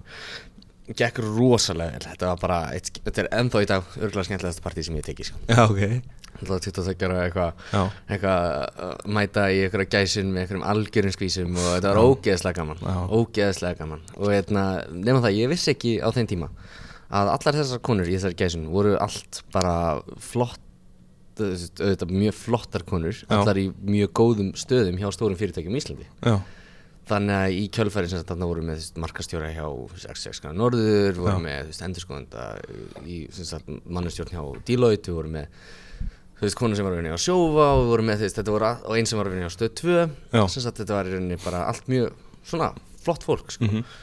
og, og sem sagt, í kjölfæri þá fæ ég að fá bókanir sem að sjá um þú veist ársatíðir og eitthvað svona fyrir sérst stór fyrirtæki í rauninni. Já, já. Og, og ég held nokkra þannig og, og með góðum árangri. Og hérna ákveð síðan bara í kjölfæri bara af hverju ekki bara búa til fyrirtæki sem að geri þetta í rauninni. Sem svona side project í rauninni eh, sem bara hálfgerði bara, ég leita á þetta svolítið bara svona sem sparnareikning Já, í rauninni. já, ég myndi sem sagt sapna þarna þú veist þessum gigum og, og, og peningum sem maður fær fyrir það inn, inn í fyrirtækið og, og rosalega gaman alltaf, gaman að eiga kennitölu og uh, reyka fyrirtæki og það, þetta er ekkert sem er kent í grunnskólum skilur, Nei. þarf að fara í gegnum lúpuna sjálfur sko. já, já. það mæta til ríkiskastjóra sem segir þér síðan að fara í bankan síðan frá bankanum þarf að fara til bókana og frá bókana þarf að fara til endur sko. og sendir á svona 5-6 staði kannski og svo endanum bara einn, þú veist, þú ert að eiga smá, smá pening til að sína fram á að þú sért þessi alvara og, og ég átti það og hérna og síðan endanum bara var kennitala komin í hús og ég allsæll þarna kom með nafni Reykjavík Cocktails EHF á skrá og já, síðan bara er ég alltaf að taka gig on the side og þú veist, fyrst allir dæmis, þú veist, ég keipti þarna nokkuð glös, keipti ykkur 60-70 martini glös Mhm. af uh, sem sagt, Gísla GS Import, ég vil líka klálega sjáta á hann. Tómaður toppmaður. Konungsriki bara valda á Íslandi. Algjörlega þessi gauðir bara vantaði þú veist 700 undiskálar á morgun. Já, hann reddaði því sko. Það er bara, það er bara ruggla hvað hva hann getur redda fyrir mann sko Já. í þessu, hann, hann, hann slætaði til mín hann 60-70 Martíni Glusum já, og þá er henni fór boltinn að rúlla og síðan þá er, er þetta bara stækkað og stækkað og stækkað og stækkað. Mhm. og vegum hátt, þú veist, vegum yfir þúsund glös núna, Mhm. getum séð viðbyrði fyrir alltaf þúsund manns keftum, þú veist, við erum komin inn í eigi húsnaði núna, Mhm. búin að færa þetta svolítið úr, úr því að vera svona bílskursband í, að- í að vera actually komið með eitthvað eitthvað, við erum, við erum þrýr í fyrirtækinu. Já, sem sagt, ég, uh, stopnandinn og, og svo er það Stefán Bjartur Runolfsson hann var sem sagt rekstjóri á, á Boston og var í 12-15 ár í senunni en hætti síðan. Mhm, og síðan dró ég hann með mér í senun aftur. Ok. og hann er núna með mér og svo er það Daniel Linur Mikaelsson sem var hérna, rekstjóri bara Ananas já. Það eflust kannast mjög margir við hann hressasti guður sem ég þekki. Já, hann er drengur góður og, og, Drengugóður, og væntanlegur í virkilega. hristaran setna á árinu. Já, frábært, ég hlakka til að Já, bara sko, bara eftir að segja nú frá því. En hann kannski bara heyrir það núna. Einmitt, einmitt, algjörlega. Já Danni, þú ert bókaður hérna 21. mars. Nei, hérna, hann er, hann er indislegur og þeir báðir og hérna, Hann er með með teit hérna á deplum núna. Já, hann er á deplu með teit þannig að þú veist, hann er þar og þegar hann er í bænum þá tekur hann gig og, og sagt, í rauninni þannig deilum við sér niður. Mhm. en með Reykjavík Cocktail sem ég segi, þetta var alltaf bara side project, en ég hafði samt mikla trú á þessu. Það var bara svo mikið að gera í hinu eins og ég sagði, þú veist, Canopy, Pablo Discobar þú veist, opna Miami og allt þetta dót, sko, þú veist eh, það voru fyrrum samstæðsæðilega mínar hjá Reykjavík Cocktails mjög duglegi líka. Það bara endaði að losna svolítið upp úr því samstarfi og hérna, þannig að þú veist, ég var alltaf í þessu Reykjavík Cocktails, þetta var alltaf barnið mitt, sko, þetta var eitthvað svona sem enginn gætt snert, skilur, ég, þetta var mitt. Nákvæmlega. Og ég er alltaf mjög stoltir af því sko. Og ánæði með það sko. En hérna síðan sem sagt uh, finn ég það í rauninni bara þegar ég er leiðin út í Barcelona þá ætla ég að fara, planið er að vera í fjögur ár sko. Já, ég ætla að fara inn á háskóla og búin að fá þú veist, námslán og allt afgreitt og bara döndi í líka með íbúð og bara, bara þú veist ready to go.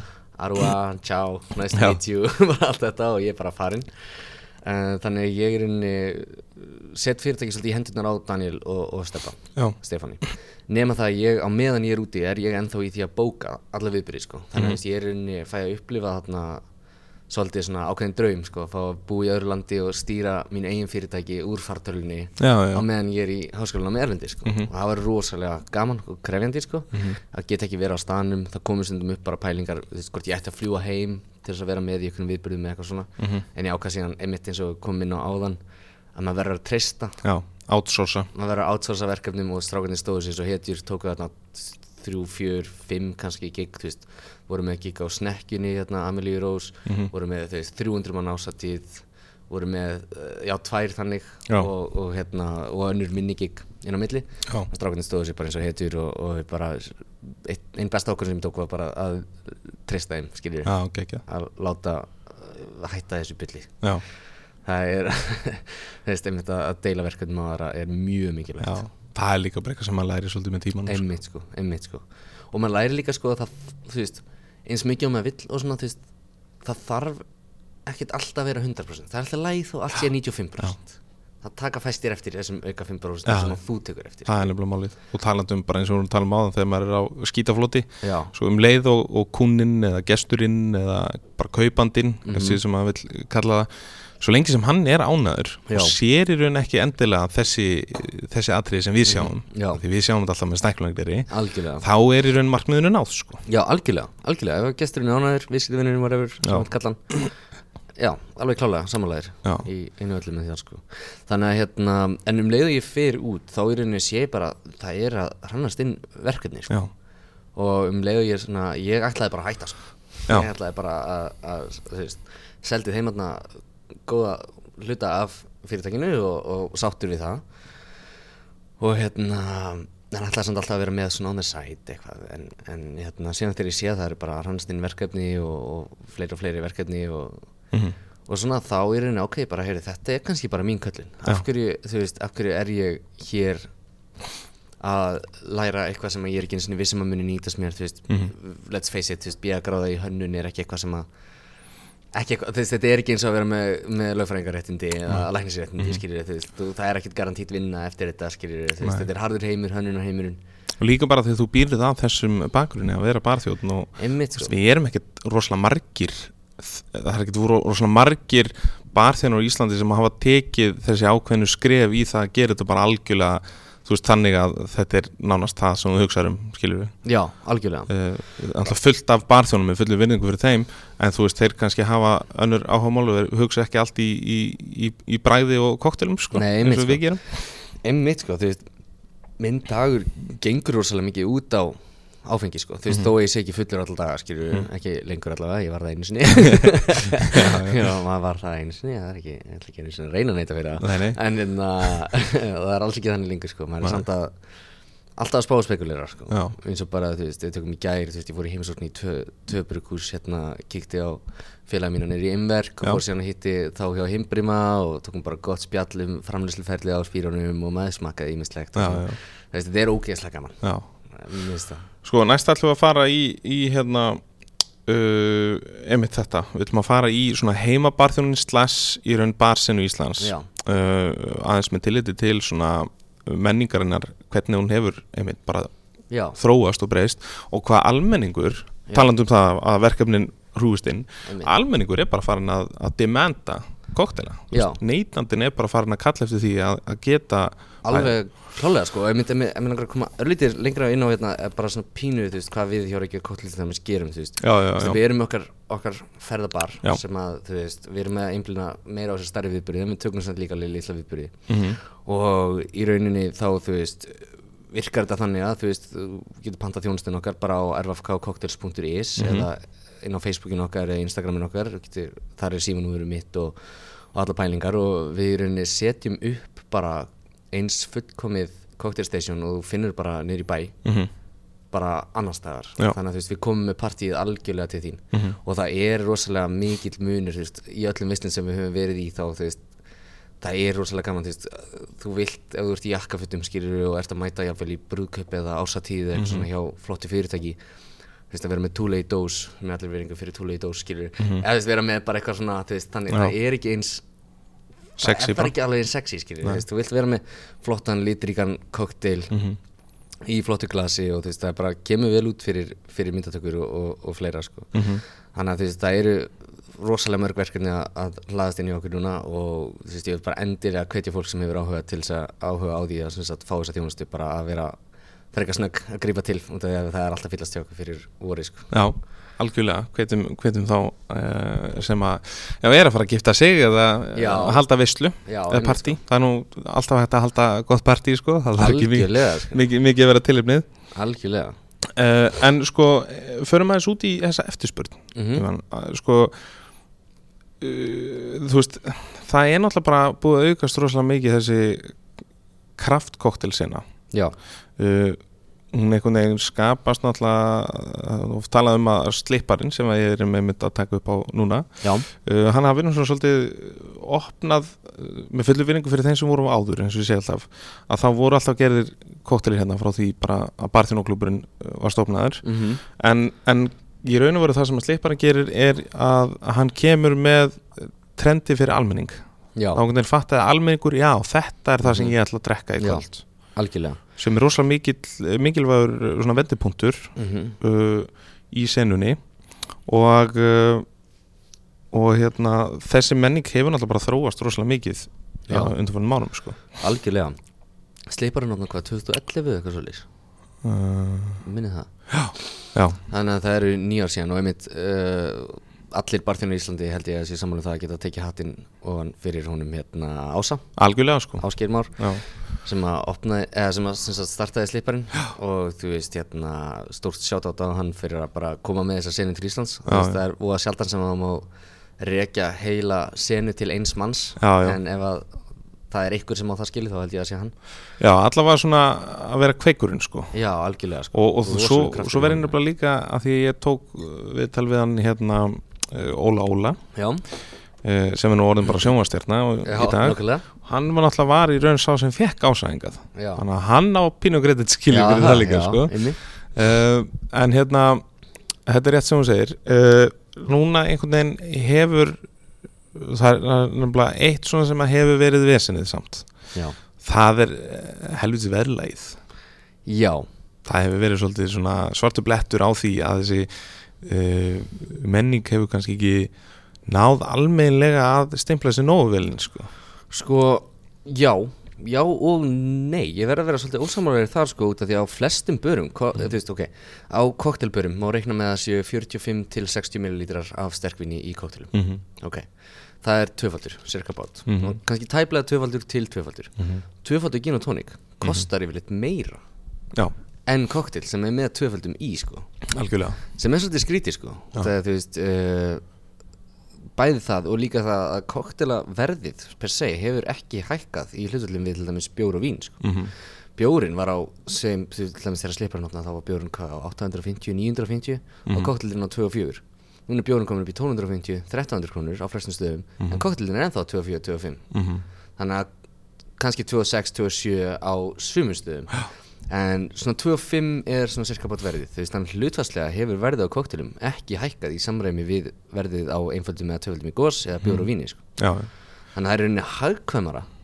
Ef þú ert að hugsa um að sko, ef þú ert að hugsa um áfengisbrostana áfengisprosentuna, einmitt ef þú ert að hugsa um að vera fullur Já. þá er hagkvæmara að kaupa koktel Já En það er náttúrulega áaldri að vera nálgunin að vera nei, nei, nei, alveg, alveg sammála sko. Og nú ætla ég að koma aðeins með rauk fyrir því sem ég eh, nefni hérna á hann og það er það að uh, varandi verðlægið sko, við erum átt okkur á því að ástæðan líka fyrir þessu verðlægi á mörgum stöðum eins og best og böðrum í raun í Reykjavík sem er að búa til koktela er svo að þar eru uh, góði barþjónar sem að vita hvað er að gera. Mhm. er að nota góð ráfni já, og vesinni líkur aðalega í því að staðurinn við hliðin á sem að býr ekki svo vel að vera með góð ráfni mm uh, ótresta uh, undirstöðusbýran já, og í raun kannski ekki jafn, uh, vel mentaða barþjóna. Uh, honum finnst ekkert sjálfsara heldur en að selja koktelina sína á nákvæmlega sem verður hinnir Það er náttúrulega máli sko. Það það, er að það er svo skrítið sko. Það er, þú veist, þetta er bara eins og Þú veist, þetta er bara eins og eitthvað svona Við í Reykjavík erum rosalega mikið sko,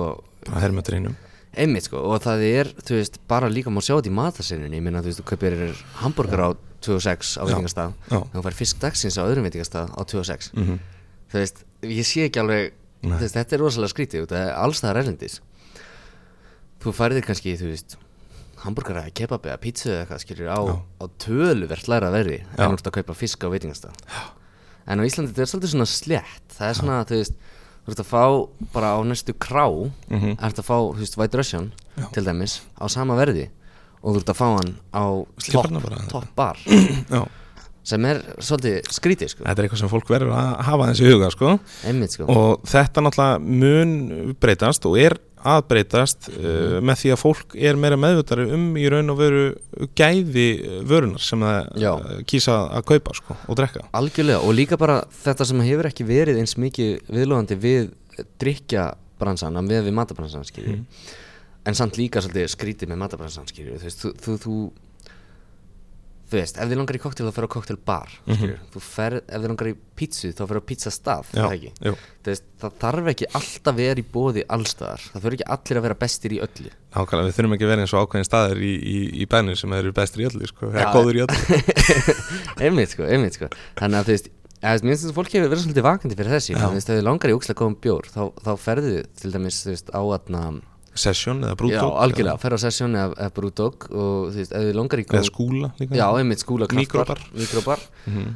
þú veist, en þú til dæmis, þú veist, ok, jú, það er náttúrulega hóparnir eru mismunandi og allt það og, og kannski einhverjir í hópnum sem drekka ekki bjór Já, bara af einhverjum ástæðum skilur þá hefur alveg getað gengið að því að fá sér gin og tónik til dæmis. Já, já, en að heimta þú veist, mojito eða eitthvað svona á þú veist, kraft bjórbar uh að sjálfsögðu eru þeir ekki með rísursan að ég gefa þér besta mojitoin og þá getur þú bara ekki kvarta ef því hann sé ekki góður Nei, al algjörlega og svo líka sem finnir þess að nefnum með, með, hérna, með bjórin og sumir sem drekki ekki bjór uh, sko ef við tölum um kraftbjórsinna Mhm. að þá eru vinsælustu bjórar í dag þeir eru meira að minna nánast bara konum með einhverju frút í dæmi sko. Þannig að fólk ætti heiklist að skoða það bara Já, alveg klálega sko.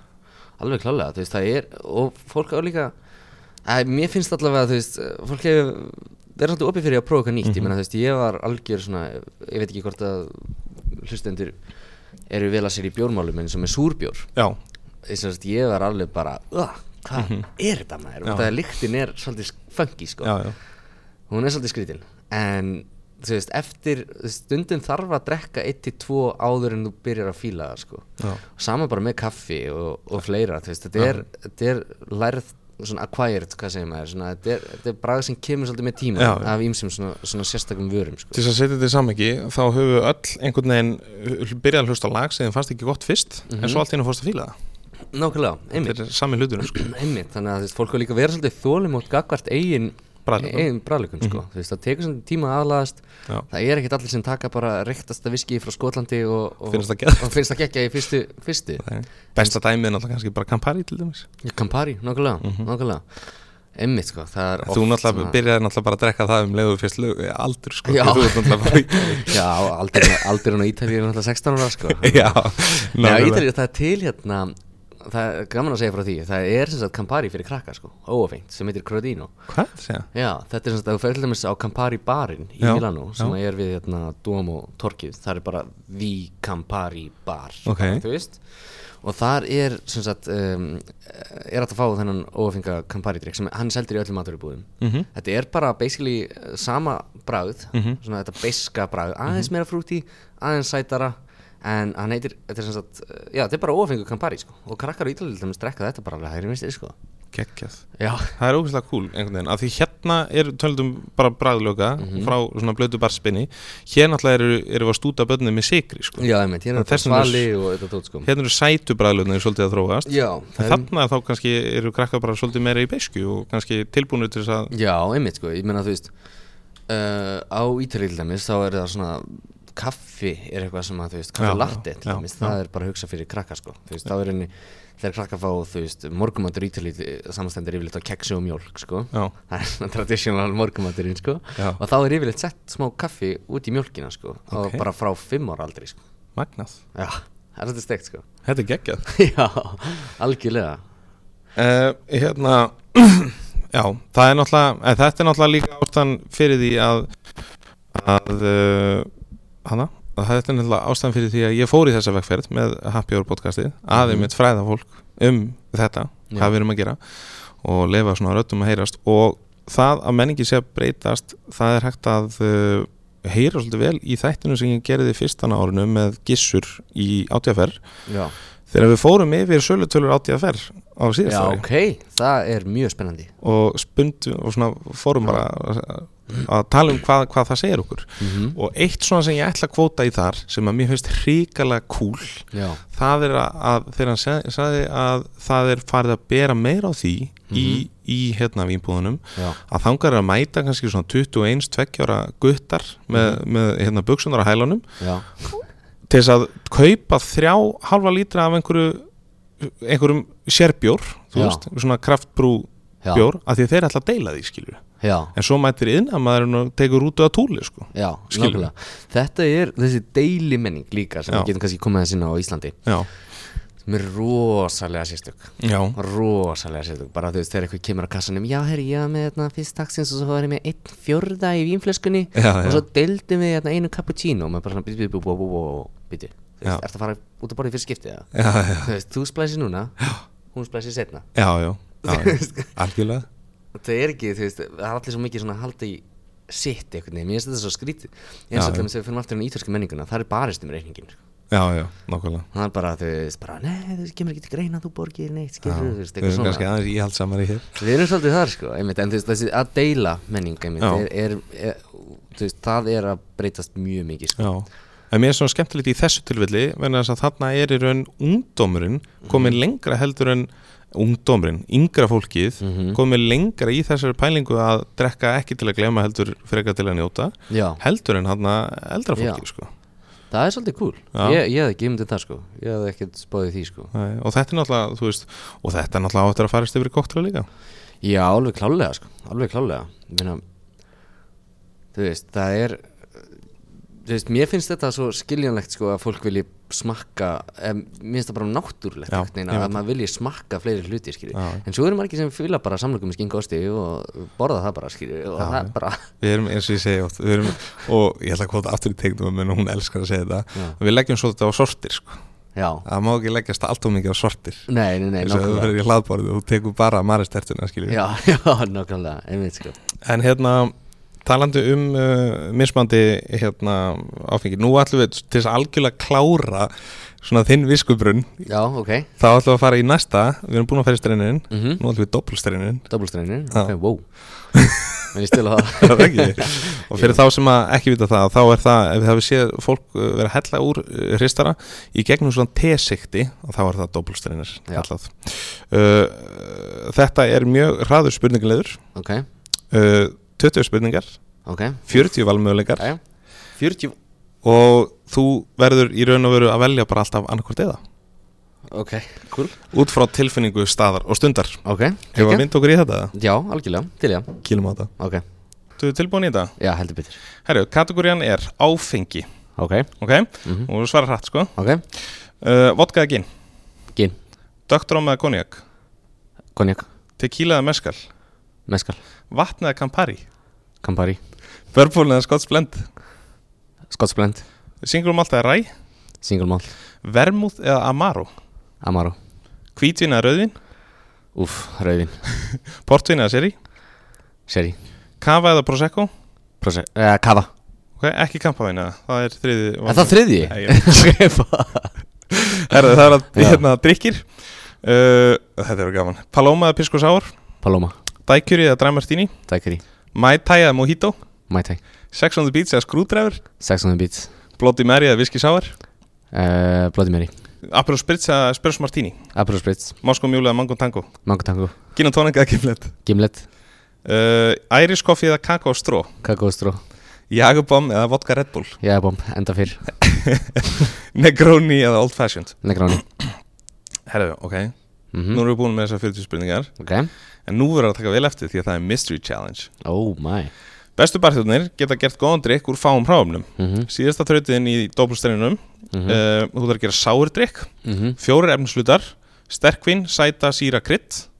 Og það sem getur valið er í sterkvinni Scotch blend, gin, ljóstróm Sæta, hvítusikur, agave, maple syrup. Síra, sítrónur, lime, júsú Krydd, basil, timjan, kanill Náður þessu það Já. Byrjum að sterkvinni Mhm. Hvað er ekki ljóstróma þarna? Jó, Tek það. Ok, sæta. Hvíti sigur Ok, síra, Lime uh, krydd, Kanil.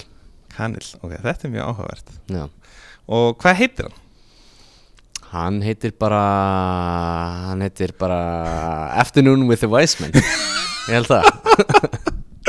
Fíla Já, þetta. Herru, við hendum uppskrift á þessu inn. Endilega. Það ekki? Bara Gjörðu svo vel. Herru, takk fyrir þetta. Takk þér. Ok, herru, þetta var svolítið skemmtilegt. Já. Uh, Þetta er náttúrulega inn á gramminu líka. Já. Uh, Næsti liður hjá okkur Svona, við förum að síga á setni hlutan Núna, Ívan, ætlum við að fara í uh, Komandi kynnslóð Ungir barþjónar. Já. Fyrsta ráð, við erum aðeins búin að ræða þetta. Hvað er svona fyrsta ráð til ungra barþjóna? Fyrsta ráð til allra held ég sem eru bara ungir. Ungir barþjónar er engin engin hérna undantekning þar á. Mm Mhm. kláraðast útsprófið með þér þú veist aldrei skilur þú veist, maður, veist, maður fær nóg. Mhm. maður lendir á vegg. Já. maður bara fær allt í einu eitthvað ánum fyrir áfengi. Maður veit ekki skilur Nei, hvað gerist og þú verður að vera með eitthvað plan B sko. einhvern góðan grunn. Veist það, ég er ógeðslega gaman að vera bara þjóð þetta er, þú ert, þú veist, maðurinn þú fer að ferðast, þú ert að taka þátt í keppnum þú veist, í mínu tilfelli veist, fekk ég að ferðast mikið, eða fannst mér allavega nóg Já. og hérna taka þátt í keppnum erlendis, taka þátt í keppnum þetta er ógeðslega spennandi, þetta er gaman Mhm. og svona en uh, það, veist þetta líður undir Mhm. þetta, þetta klárast einn daginn þó þú Já, haldir að gera það ekki sko og þá er bara mjög gott að vera með, vera með eitthvað í höndunum sem að fleitir þér inn á næsta verkefni. Nákvæmlega.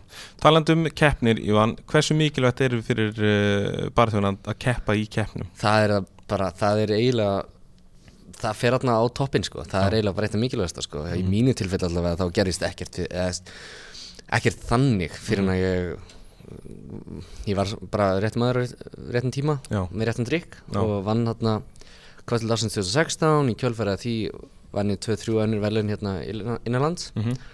Svo fæ ég að fara út fyrir til hérna Finnlands og þú veist, ég ætla ekki að fara að rekja eitthvað endilega alla mína sögu í keppnum en, en það er mjög mikilvægt sko. Þú hérna fórst til Finnlands og, og sast það námskeið Nei, ég fór til Finnlands og, Það var í Íslandi, segi Já, ég fór til Finnlands og vann hérna Food and Fun keppnina mm -hmm.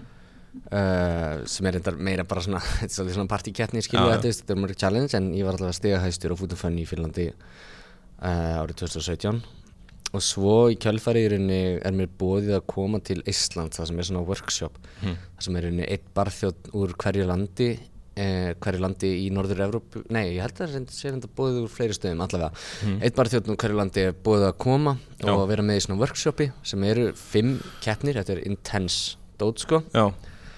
og um, þú veist, þú ert bara í ákveðinu svona skóla basically, þú veist, frá bara 8 á mótnana til 8-9 og kvöldin alla daga sko. og þannig er þetta þú veist, um, þetta eru fimm mismöndi liðir það er sagt, veist, skriflegt próf svo ertu þarf að búa til konceptbar og selja hann fyrir mögulegum fjárfesturum mm -hmm. svo þarf að búa til pop-up á bara eða veitingastað á staðnum sagt, mm -hmm. í Tallinn svo þarftu, er svona hópa keppni fordrykk, mm -hmm. svo ertu svo er koktálakeppni já þannig að þú þurftir að taka þátt í öllum þessum challengeum. Mm -hmm. og uh, ég bara, já, þú veist byrjaði reyndar gaman að segja frá því að ég og, og Jómundur fórum saman á þá keppni. Hún byrjaði reyndar þannig að uh, við mistum að flugin okkar. Já, alveg þetta, já. Ég sátum á, á bar einn á flugullinum í Helsingi á leðinni til Tallinn og, og sjálfsögði mistum að fluginu. Ok, allavega það gerist fyrir bestu menn. Nema það að fyrsta kvöldi fyrir við út og smá skrall þarna og komum sko, við vissum ekki alveg hvað sé alvarlegt þetta var sko, þetta var, veist, þetta var serious stót sko. Já. við komum hann að mættum hann náttúrulega bara skítunir og, og seinir á fyrsta daginn og við okkur var næst í viki og kjarni sko, fyrir það sko. Og meistari Peter Dorelli sem er sko 78 ára, þú veist, legend af Amerikan Bar, sá ég yfirbarþjótt þar í 30 ár. Já, ég Ég hitti hann í Miami á sín tíma. Einmitt, hann er legend sko, hann að láta drulli við sig að svona manni fyrir að vera þunnir þú mætir ekki þunnir sko. Og þú tekur ég laga svolítið mikið saman í andlutinu bara Ég tók mér veist, eftir þetta hugsaði bara ok, fuck it, ég ætla að vinna þetta. Bara, þú veist. Og það, það tókst, ég kom heim með bæði líða byggar og einstaklings Já, já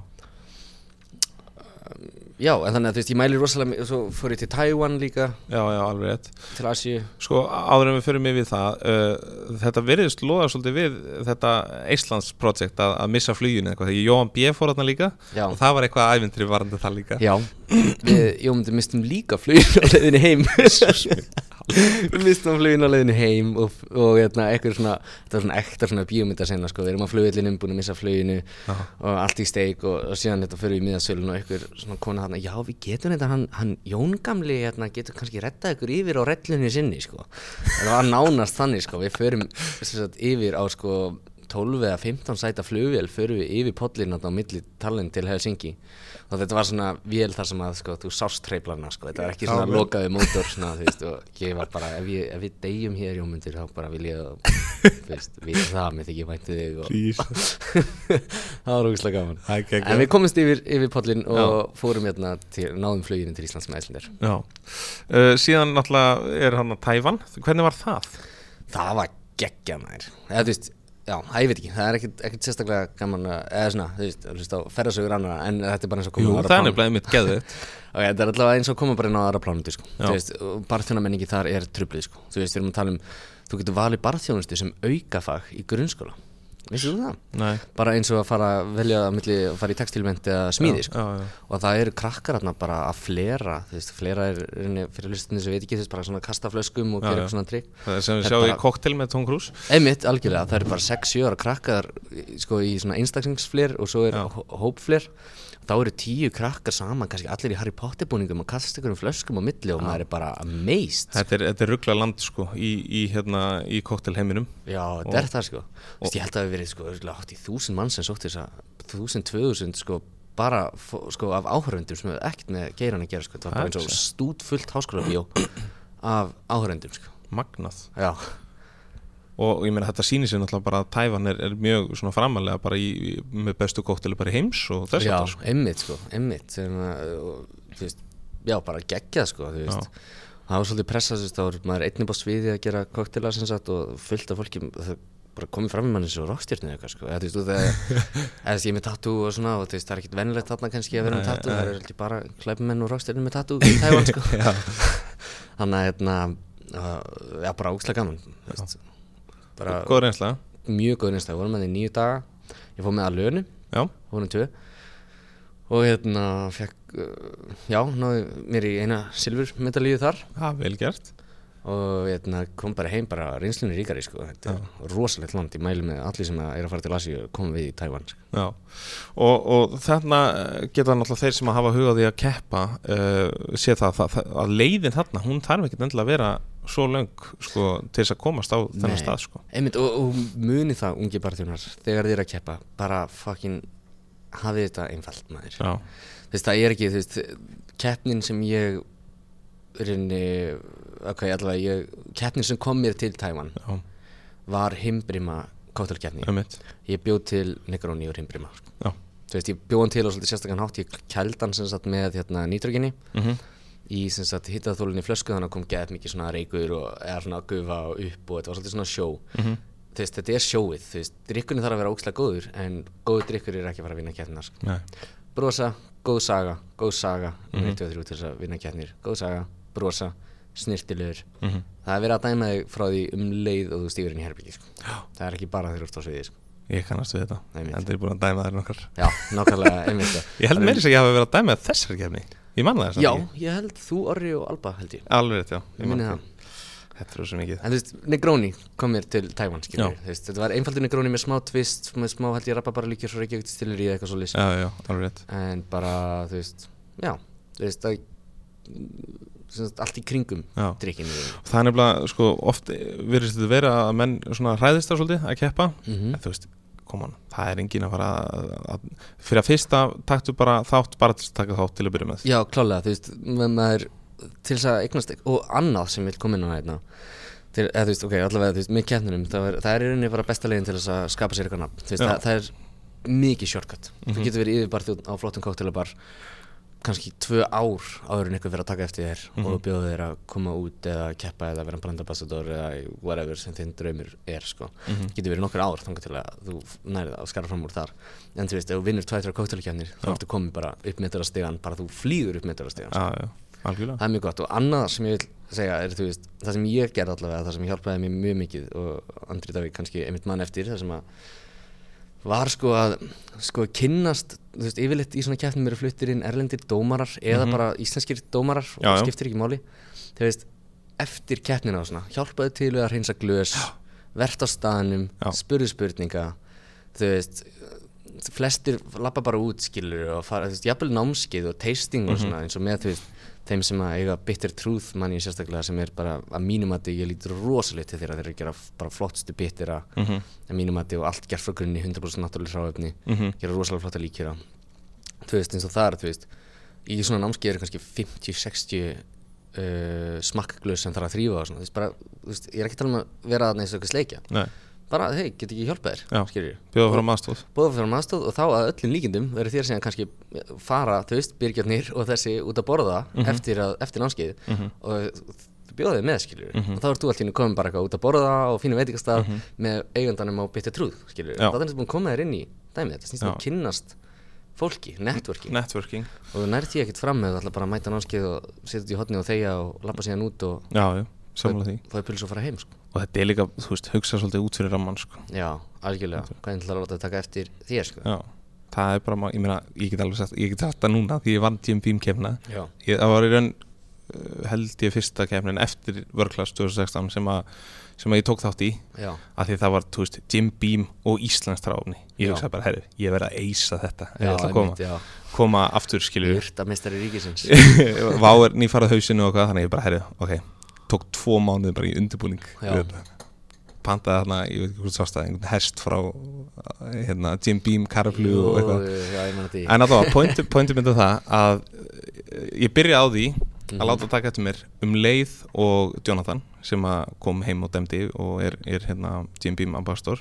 Um leið og hann lendi og sendi honum SMS velkominn til Íslands. Já, nákvæmlega, algjörlega, þetta eru litlu hlutinir sko komast að því hvar þeir eru og bara, þú veist, vingast við fólkið sem er að fara að dæma Ég meina, þú veist, þú fær mörg rockstík fyrir það sko. Já, já, þú veist í rauninni komið með foskot áður en þú byrjar að keppa sko. Það er bara málið sko. Þú veist, þú, þú ert komin inn í lúpina sko. Já, hérna uh, þannig að keppa taka þátt, taka virkan þátt, málið það líka bara með barsinnuna hérna heima og var margir aðri sem á komið hérna heim, uh, talaðu það hvað við erum saman svona þettur mm hópur.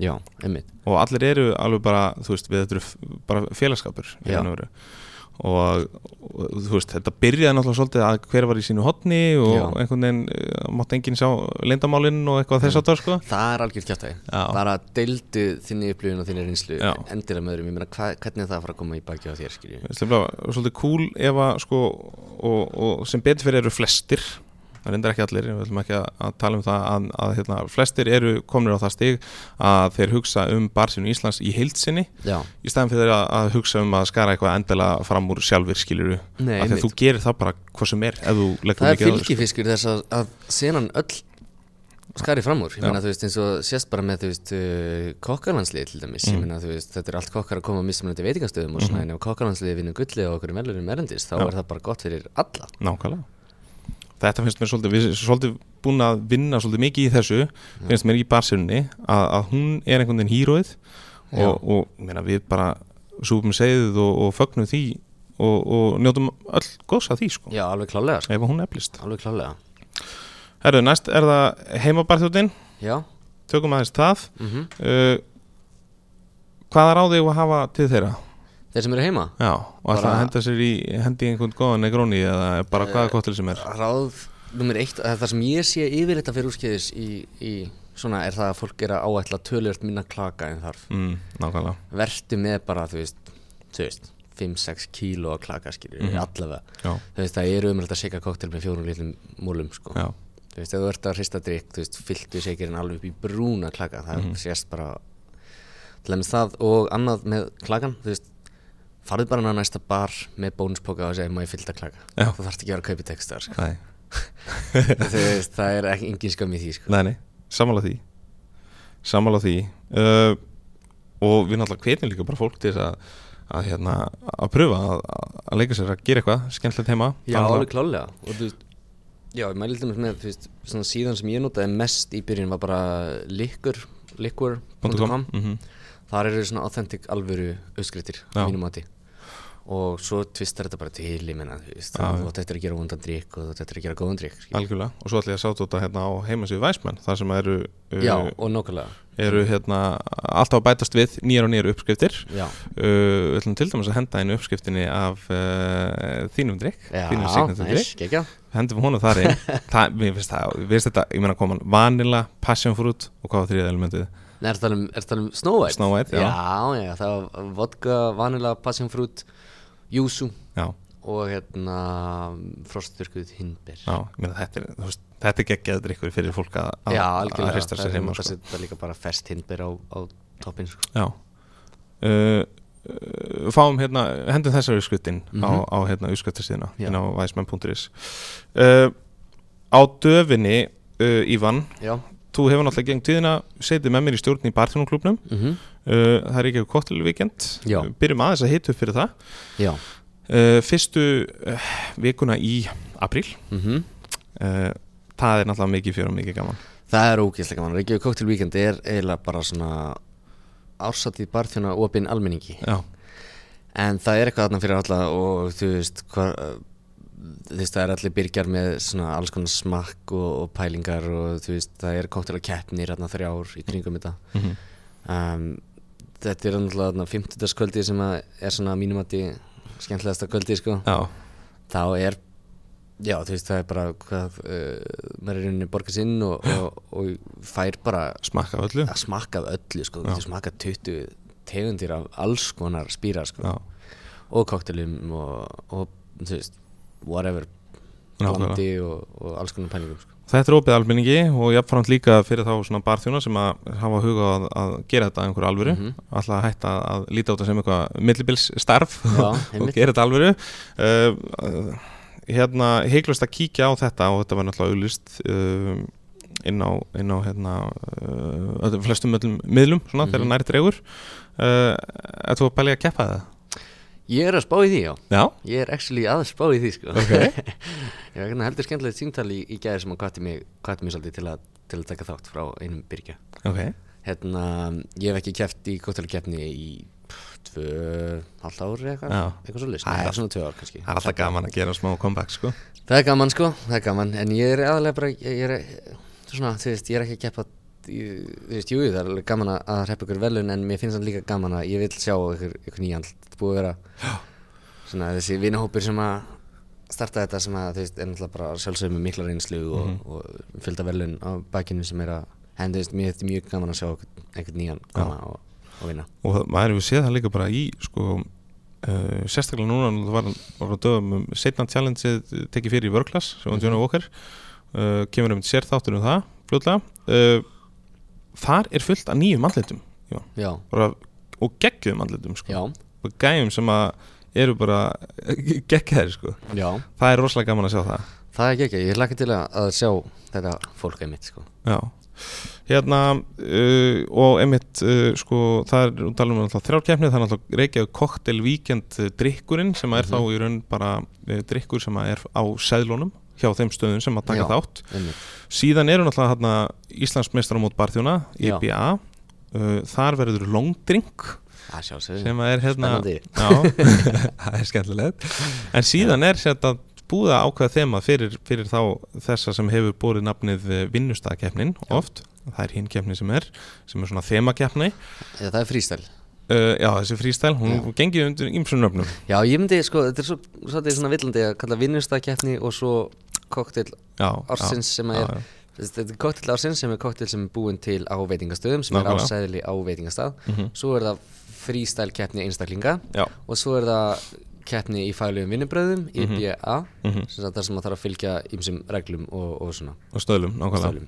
En það er búið að finna einmitt þessa sem nefnir hana í, í miðunni að Já. búið að finna þemað og það er uh, aldrei sem vant spirit to spirit ok, mm wow. Sem er mjög spennandi sko. Það er mjög spennandi, ég fíla það. Svolítið cool að þið, þú veist, við höfum svolítið mikið verið að fókusa á eitthvað svona eh, sætadrykki og eitthvað svona í þessari. sætt, sko. en þarna kemur mjög skemmtilegt challenge. Já, algjörlega.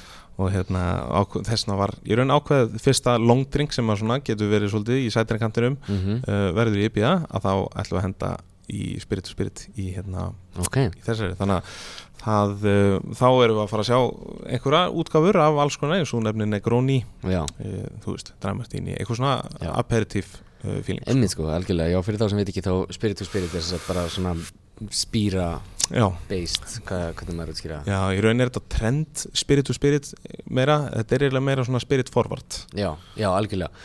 Ég er nýja drikkir sem að eru alkohóli harkir háir alkoholi og ekki með yfirleitt ekki með mikið síru eða nákvæmlega. Þannig að mjög spennandi og skemmtilegt. Einmitt, þannig maður sem old fashioned mann já, algjörlega. Negroni Ég er mjög spenntur að sjá, sjá, hérna, Já. sjá þetta. Herðu, nú hérna fyrir að slaufa þessu uh, á döfinni, það er alltaf bara Reykjavík Cocktails. Já, Reykjavík Cocktails, það er bara að Já, og ógslega gaman. Já, og hérna, já, þú veist þetta er bara ört stækkandi Mhm. fyrirtæki og ég vona að það haldi áfram á sem breytu að búið að gera. Heldur betur. Ég hlakka mikið til að, að sjá hvert það þróast. Jú, heldur betur. Það verður gaman að fylgjast eh, með ykkur félagunum og hvetjum náttúrulega fólk eh, sem hafa huga því að eh, henda í hóf eða halda veistlu Já, eða gifta sig eða hvað sem þetta vera Mhm. að hafa samband við ykkur. Og það er hægt að nálgast ykkur bara inn á Já, bara heim, heimasíðu okkar rfkcocktails.is og Mhm. þá er að skrifa sem C-O-C-K T-A-I-L Mhm. Já. eða bara á Facebook Já, Facebook er svona kannski þægilegasta leiðin Mhm. sem hann þá alltaf senda okkur e-mail bara info at rfkcocktails.is geggjað Herru, Ívan, uh, frábært að fá því þáttinn Já, þakka ekki alveg fyrir, gott að- að koma það og ekki? bara takk alveg fyrir framlægið í alveg svona þættir eru bara virkilega virkilega það sem að uh, er svona brú af bili á milli okkar barþjóna og, og, og almennings í landinu og ég er bara mjög þakkláttur fyrir að þú hefur búið mér að koma hérna. Gaman að heyra, takk fyrir það. Og hérna þá verður þetta bara ekki lengra hjá okkur að, að sinni. Já, Ívan Svanur Korvasje. Já hver Takk kærlega fyrir komuna í Hour. Takk hérlega fyrir Andri. Og það var ógæslega gott. Takk fyrir það. Við sjáumst Þar hefur það kæru hlustundur endilega tekkið á Reykjavík Cocktails inn á Instagram og Facebook sem og eh, Ívan Svanur Korvasje frábær drengur þar á ferð og mikill fagmaður. Nú Væsmenn minnir á að umfjöldun úr þessum þætti byrstist inn á væsmenn.is þar sem einn er hægt að lesa meira um eh, aðra þætti í Happy Hour sem á alltaf nýjast og helsta um veigar í fljótandi formi. Endilega fylgir væsmenn bæði á eh, Instagram og Facebook þar sem hægt er að skikjast á bakveit tjöldin og uh, skoða uh, vídeo og fleira skemmtilegt sem við kemur happy hour. Nú einnig er nýtilstofnuð grúpa sem nefnist happy hour með væsmenn en það getur þú haft áhrif á að gera þættina enn betri. Nú, táturum verður ekki lengri að sinni. Munið orð væsmenn eins og alltaf drekkum ekki til að gleima sínum sjálfum okkur öðrum virðingu og drekkum frekar til að njóta. Takk fyrir að hlusta. Tángjandi næst, Væsmenn out.